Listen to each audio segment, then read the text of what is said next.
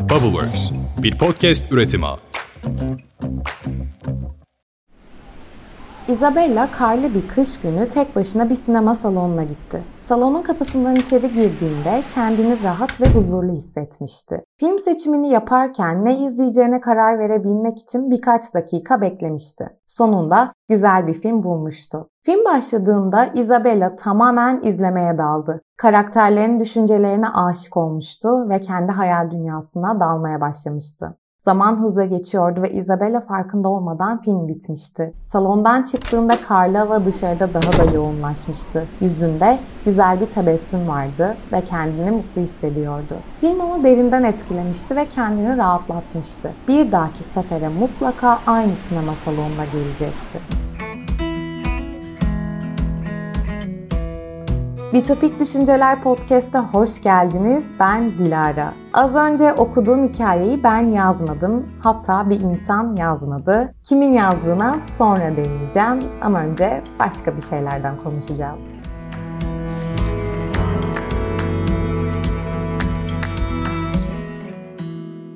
2022 biterken şunu sordum kendime. Bu yıl bitmeden önce neleri başardın, neleri başaramadın? Tabii ki klasik bir soru bu. Ben 2022'ye başlarken herhangi bir hedef listesi falan yazmamıştım. İyi ki de yazmamışım. Böyle şeyler beni çok fazla strese sokuyor. Strese girmeyi de elbette birçok insan gibi ben de sevmediğim için böyle listeler hazırlamıyorum kendime. Onun yerine 2022 ya da işte hangi yıldaysak Yıl bitmeye yakın şöyle son ayda oturuyorum. Bazı değerlendirmeler yapıyorum. Yine oturdum böyle düşünürken bu yıl bitmeden önce ben ve beni takip eden sizler neler yapmalıyız? Yani son virajda düzlüğü nasıl çıkmalıyız? Bunun küçük bir kürasyonunu yapmak istedim. Ve az önce okuduğum hikayedeki son cümle tamamen tesadüfi bir şekilde yazılmıştı.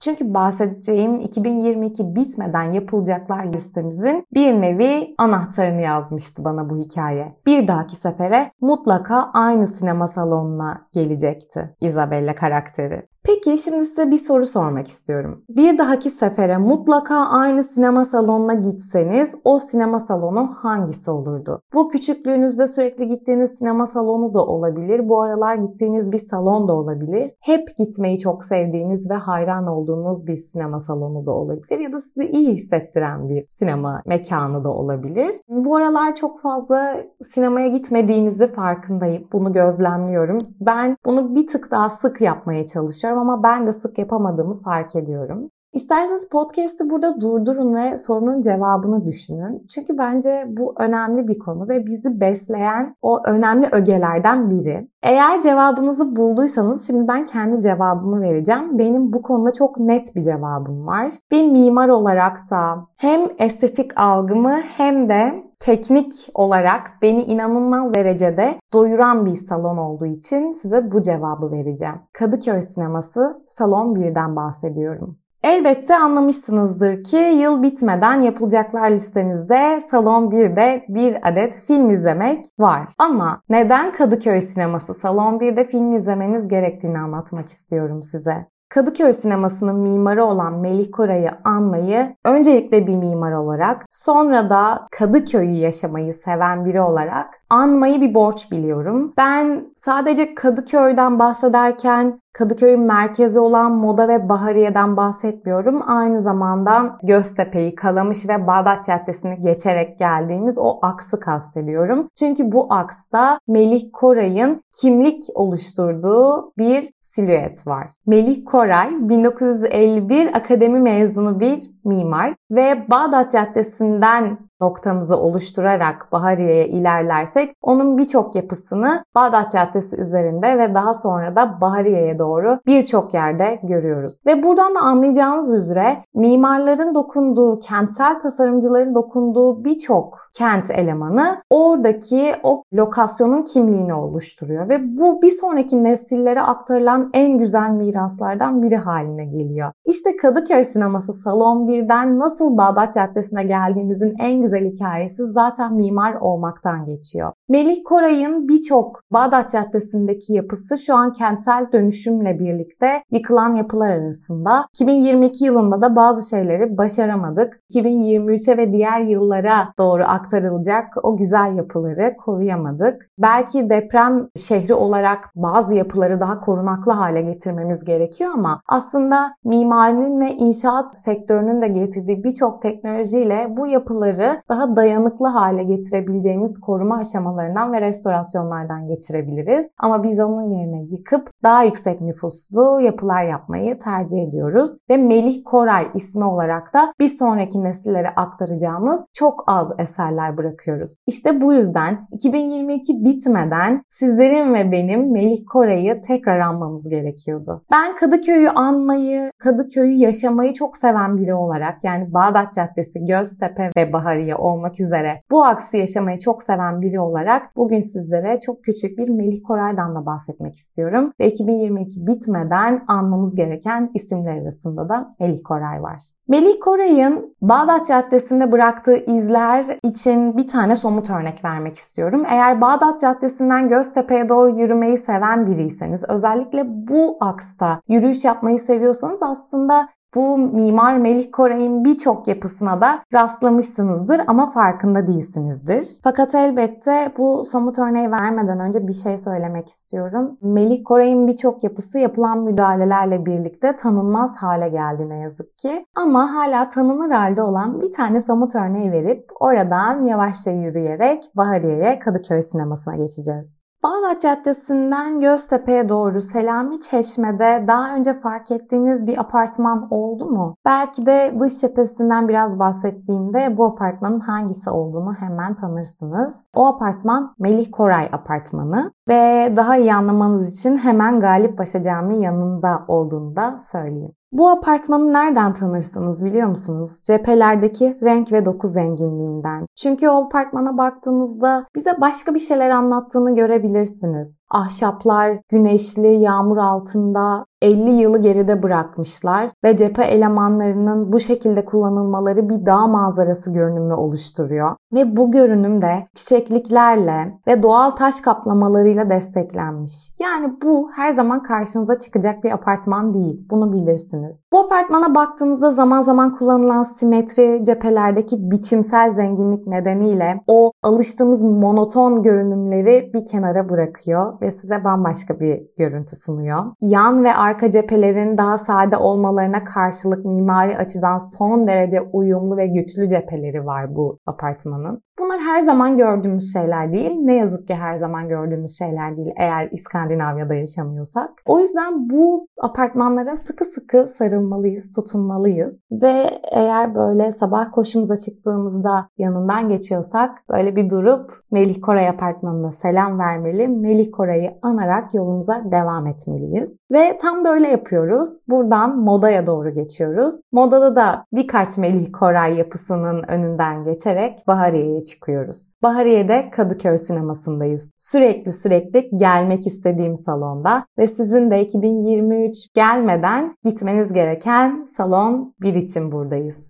Evet, Kadıköy sineması da Melih Koray imzalı bir yapı. Ve Salon 1, Melih Koray'ın Kadıköy sinemasının incisi diyebiliriz. Ayrıca Kadıköy sineması belki de Türkiye'de ödül almış tek sinema salonu olabilir. Eğer ki başka örneklerde biliyorsanız lütfen bana yazın. Bakın bu salon da ödüllü Dilara. Mimarı da şu deyin. Belki ben bilmiyorumdur. Ama benim bildiğim bir ödüllü sinema salonu yok başka. Kadıköy Sineması Bahariye Caddesi'ndeki Kadıköy Pasajı'nda 54 yıllık geçmişiyle varlığını hala sürdürüyor. Bu sinema farklı işletmecilerin ve kiracıların ellerinde kalmış bir salondu fakat 2018 yılının Ocak ayında mekanın işletmesi tamamen Funda Kocadağ geçiyor ve bugün gittiğimiz bu salon halini tekrar alıyor. Peki salon 1'e neden gitmeliyiz Dilara? Bize bunu açıkla derseniz. Eğer daha önce gidenler varsa beni çok iyi anlayacaklardır ki salon birden içeri girdiğiniz anda neredeyim ben efekti yaratıyorsunuz beyninizde. Çünkü salon 1'i oluşturan katman katman kabuklar sahnedeki perdenin hemen üstünde adeta çok güzel bir hayvanın kabuğuymuşçasına ışıklarla ve renklerle güzelleşiyor. Bütün bunlar sadece estetik açıdan yapılmıyor mimaride. Bu salon daha önce tiyatro salonu olarak da kullanıldığı için çok iyi bir akustiği olmalıydı ve her bir katman aslında bize bu akustiği kazandırıyor. Zaten o sinema salonunun koltuğuna oturduğumuzda da bunu çok net bir şekilde film başlayınca görebiliyorsunuz. İyi akustik bir tiyatro sahnesinin, bir sinema sahnesinin en çok ihtiyacı olan şeylerden biridir. Ve bu bizim çok etkileyen kabuk katmanları sadece estetik açıdan gözümüzü doyurmuyor. Aynı zamanda muhteşem akustiğiyle birlikte kulaklarımızda yer ediyor. Peki bu salonun ikinci güzel özelliği ne? Şimdi mimar olmayanlar bu detayları belki çok bilmiyordur ama ben anlatınca Aa, evet daha önce rahatsız olmuştum aslında diyebileceğiniz detaylar bunlar. Ben mimarlık öğrencisiyken Stüdyo 3'te kültür merkezi yapıyorduk ve bu kültür merkezinde de mutlaka bir auditorium olmalıydı ve bu auditoriumu yaparken çok fazla vakit kaybetmiştim. Çünkü danışman hocam yani yürütücümüz bir türlü auditoriumumun eğimini beğenmiyordu. Eğimden kastım şuydu. Oturduğunuz sıranın her bir basamağı doğru eğimde olmazsa sizin görüş açınızda doğru bir şekilde yerleşmez salonda. Her bir bireyin oturduğunda görüş açısı doğru eğimde yerleşmeli. Ve bunun tabii ki bazı formülleri var ama bu formüller dışında da yerleşimler yapabilirsiniz. Çizimlerinizi bu yönde de yapabilirsiniz. Ben de bir türlü yapamıyordum. Hatta bizim Işık Üniversitesi'nin auditoriumu da çok güzeldir, renkli renklidir. Nevzat Sayın'ın elinden çıkmış bir auditorium eseridir. Ve auditoriumumuza gidiyordum, oraya bakıyordum, orayı ölçüyordum, benzerini yapıyordum, yine beğendiremiyordum. Ve gördüm ki Kadıköy sinemasında geçtiğimiz iki gün önce bir film izlemek için gittim. O filmden de bahsedeceğim ama çok yakın bir deneyimimi anlatayım önce. Oturdum koltuğuma ve görüş açımın hiçbir şekilde kapanmadığını gördüm. Salon tamamen doluydu. Yani beni rahatsız edebilecek bir sürü kafa vardı. Ama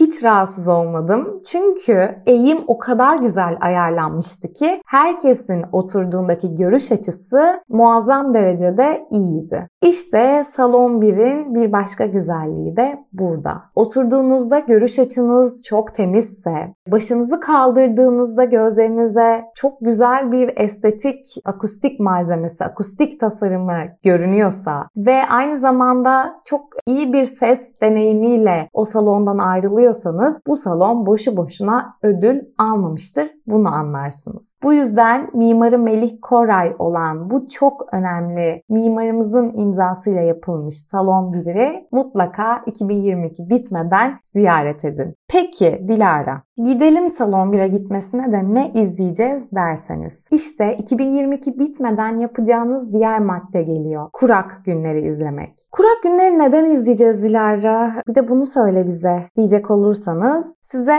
önce kendi yorumlarımla birkaç bir şey söylemek isterim. Kurak günleri yıl bitmeden izlemeliyiz çünkü bizi 2022'den çok daha farklı bir yıl bekliyor. Ağır bir seçim süreci ve bir seçim var önümüzde. İster istemez maruz kalacağımız bir gündem var. Tam da bu noktada Kurak Günler imdadımıza yetişen bir film yıl bitmeden. Filmin politik atmosferi ve gerilim ortamı bir gazete yazısında okuduğum başlığın çok güzel bir özeti aslında. Dertlerimizin kesişimi. Eğer siz de 2022 yılının nasıl geçirdiğinizi farkında değil bir vaziyette yılı bitiriyorsanız kurak günleri mutlaka izlemelisiniz. Çünkü hepimizin çok benzer dertleri var bu ülkede. Ve yıl bitmeden Türkiye'nin sinematografik bir bakış açısıyla nasıl özetlendiğini ve perdede nasıl yorumlandığını izleyebilir. Film bittikten sonra olanları ve bitenleri kafanızda şöyle güzelce bir tartabilirsiniz. Ben filmi daha sessiz ve sakin olur diye pazartesi gününün 14.00 seansında izledim. Ama salon tamamen doluydu ve herkes merakla filmi bekliyordu. Kendi aralarında bunu konuşuyorlardı. Ben tek başıma gittiğim için böyle kendi bir me time date'i yarattığım için bu konuşmalara kulak misafiri oldum. Şimdiden herkesten özür dilerim ama bunu dinlemeye bayılıyorum. Ve herkesin ne kadar heyecanlı olduğu aslında bu ülkede çok benzer dertlerimiz olduğunu da anlatıyor. Ve bence biz o gün Türkiye'nin son yıllardaki özetini izledik. Soluk soluğa, cap canlı, nefesimiz kesilir gibi bir gerilimle izledik. Sanki filmin içindeymişiz gibi bir korkuyla ama zaten filmin içinde değil miyiz?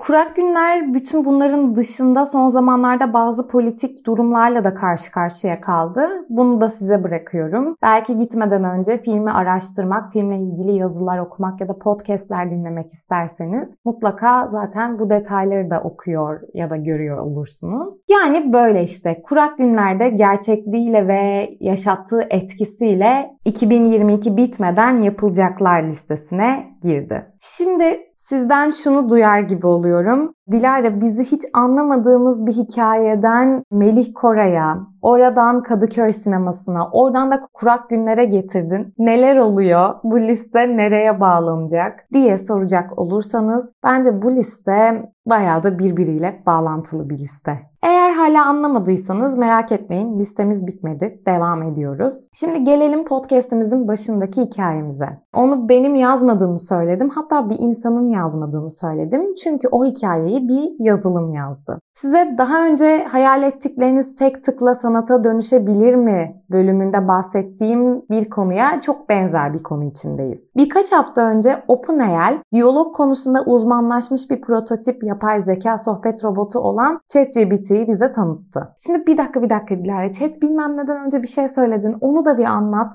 zihnimizde soru işareti kalmasın diyenler için OpenAI'nin de ne olduğunu tekrar söylüyorum ama hayal ettikleriniz tek tıkla sanata dönüşebilir mi bölümünü dinleyenler zaten aslında bir tık biliyorlar OpenAI'li. Neyse ben bir güzellik yapıp yine söyleyeceğim. OpenAI çok kanallı 3 boyutlu konumsal ses efektlerini çalıştırmak için kullanılan ücretsiz bir uygulama programlama arayüzü diyebiliriz kabaca. İşte OpenAI tekrar bizi bir şokla baş başa bıraktı ve ChatGPT'yi sundu. Yani kelimenin tam anlamıyla baş başa bıraktı. Çünkü ChatGPT bir zamanlar MSN'i bilenler için nostaljik bir yazılım oldu diyebiliriz. Ama bu nostaljik yazılımın çok daha aslında üst düzey bir teknolojik boyutu var. Çünkü bu sefer MSN'de olduğu gibi karşımızdaki canlı kanlı bir insanla değil de bir yazılımla konuşuyoruz. Yani baya baya bir yazılımla sohbet ediyoruz. Ona sorular soruyoruz. Ve ChatGPT'nin resmi web sitesinde yazılımı şu şekilde anlatmışlar. Amacımız yapay zeka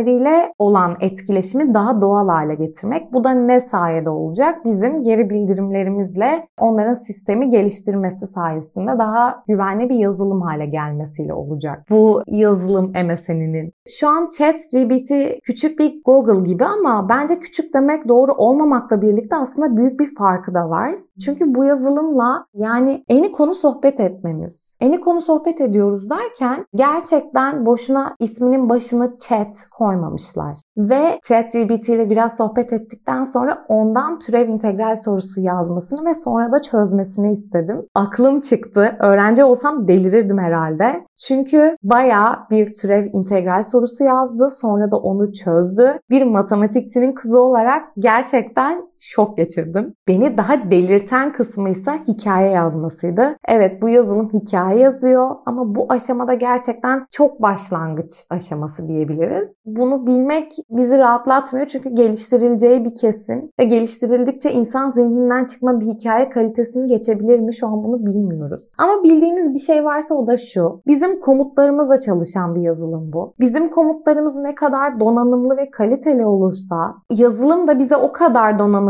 veriler geri sunuyor. Bu yüzden insan aklını geçebilip geçememe evresi tartışmalı bence. Evet yani türev integral sorusundan sonra ChatGPT'ye şunu yazdım. Kış günü bir sinema salonuna yalnız gitmiş olan bir kızın Haruki Murakami tarzında bir durum öyküsünü yazar mısın? Haruki Murakami benim en sevdiğim yazarlardan biri olduğu için aklıma ilk o geldi. Onu yazdım ama siz bunu da yazmayabilirsiniz. Sadece bir durum öyküsü yazar mısın da diyebilirsiniz. Ben onu da yazdım ama o çok böyle yavan geldi. O yüzden bir yazar detayı ekledim. Zaten onun veri sisteminde bu var. Bu arada benim size okuduğum hikayede mesela bazı yüklem kipleri çok ardarda arda kullanılmış. İşte bazı yüklemleri düzeltip size anlatmak zorunda kaldım. Hatta bazılarını düzeltmedim. Tekrar oraya dönüp dinleyebilirsiniz. Çünkü hala bu yazılım geliştirme aşamasında ve şu an bu aşama başlangıç seviyesi. Fakat az önce de dediğim gibi ileriki günlerde bu gelişmenin nasıl olacağını bilmiyoruz.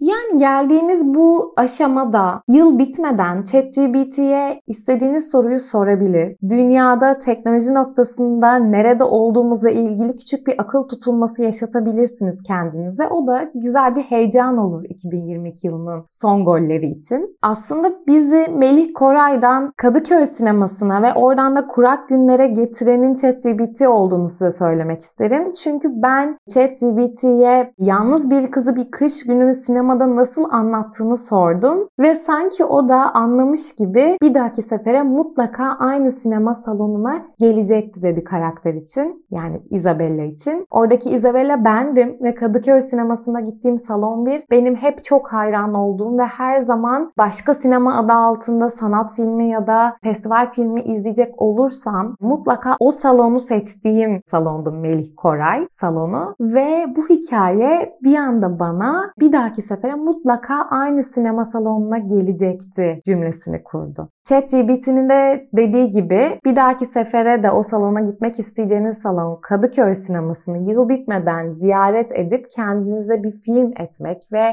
bu filmin de kurak günler olması ve bunu da bize ChatGPT'nin söylemesi bu yılın bana son günlerinde yarattığı fantastik bir kurguydu bence. Ve yılın sadece %5'i kalmışken İstanbul'un bize son hediyesinden de bahsetmek istiyorum size. Müze Gazane bundan sonra her cumartesi cumartesi pazarı kuruyor ve bence 2022 yılında aldığımız en güzel hediyelerden biri bu. Şehrin en yeni çok sesli pazarı cumartesi pazarı olarak afişe etmişler bu pazarı ve cumartesi gününe renkli bir başlangıç yapmak isteyen herkesi de bu pazara çağırıyorlar. Bu söylediğimi 2022 yılına sıkıştırmak istemezseniz her cumartesi olacağını da söylemek istiyorum. Ama benim cumartesi pazarını bu listeye ekleme sebebim kendinize veya sevdiklerinize verebileceğiniz en nostaljik hediyeleri burada bulacağınız için. Eğer sevdiklerinize küçük tatlı hediyeler almak istiyorsanız bence mutlaka 2022 yılı bitmeden kalmış olan son 3 cumartesimizde bu pazarı ziyaret edin. Ve yıl bitmeden bir yılbaşı hediyesi olarak kendinize mezattan ya da standlardan bir plak alabilirsiniz. İkinci el bir aynalı feel good aksesuarı ile salonunuza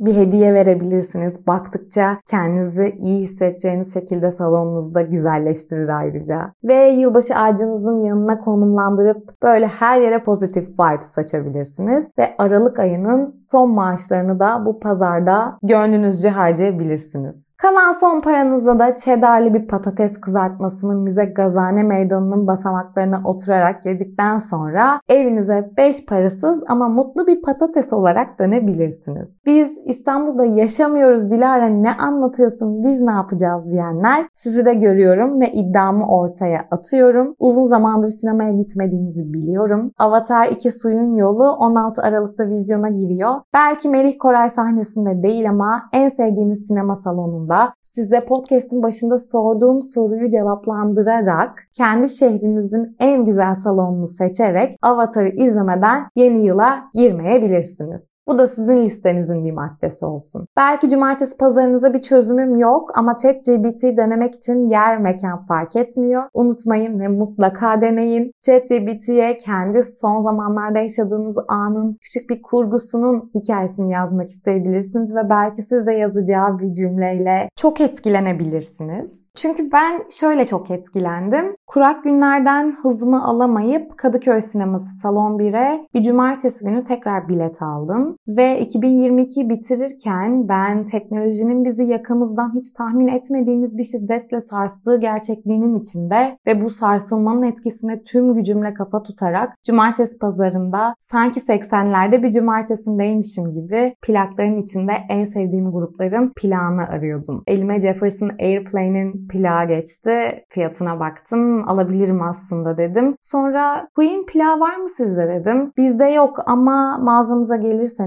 orada var dediler. Sonra Jefferson Airplane'in plağını geri bıraktım. Diğer standa geçtiğimde elimi ilk attığım plak Queen'in plağıydı. O sırada Queen'in plağının fiyatına baktım. Sonra da Kadıköy Sineması Salon 1'deki filme kaç saatim kaldığına baktım. Cebimden telefonumu çıkarıp. 2022'nin son cumartesi günlerinden biriydi. Elimde Queen plağı vardı ve baktığım saatte Salon 1'deki filme ne kadarım kaldığını söylüyordu. Yılın sadece %5'i kalmıştı ve zaman katmanlarının arasına sıkışıp kalıyor muyuz acaba diye düşünürken alanda Queen'in Somebody to Love'ı çalıyordu. Şarkının bir kısmı bana tıpkı kurak günleri izlerken hissettiklerimi hatırlatıyordu. Bu yılın son teknoloji golü vurucu bir film, beni sakinleştiren bir sinema salonu ve bu cumartesi pazarı dile gelip şarkının bu kısmını söylüyordu. Hani şu hislerimizin ve ritmimizin olmadığını, sadece ritmimizi kaybetmeye devam ettiğimizi ve kendimize sürekli ben iyiyim, ben iyiyim ve yenilgiyle karşılaşmayacağım dediğimiz, sadece bu hapishane hücresinden çıkmamız gerektiğini fark ettiğimiz ve Queen'in bir gün özgür olacağım tanrım dediği kısım. Ve şarkı daha da yükseliyordu. En vurucu kısmı geliyordu.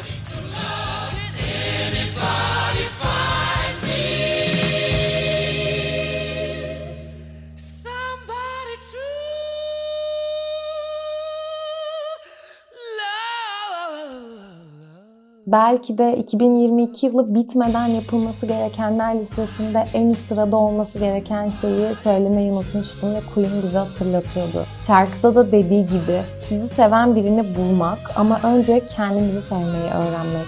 Umarım 2023'te bunları bulabiliriz ve bunu başarabiliriz. Ve umarım ülkemiz de kendini seven birini bulabilir yeni. Bir sonraki bölümde görüşmek üzere. Bay bay.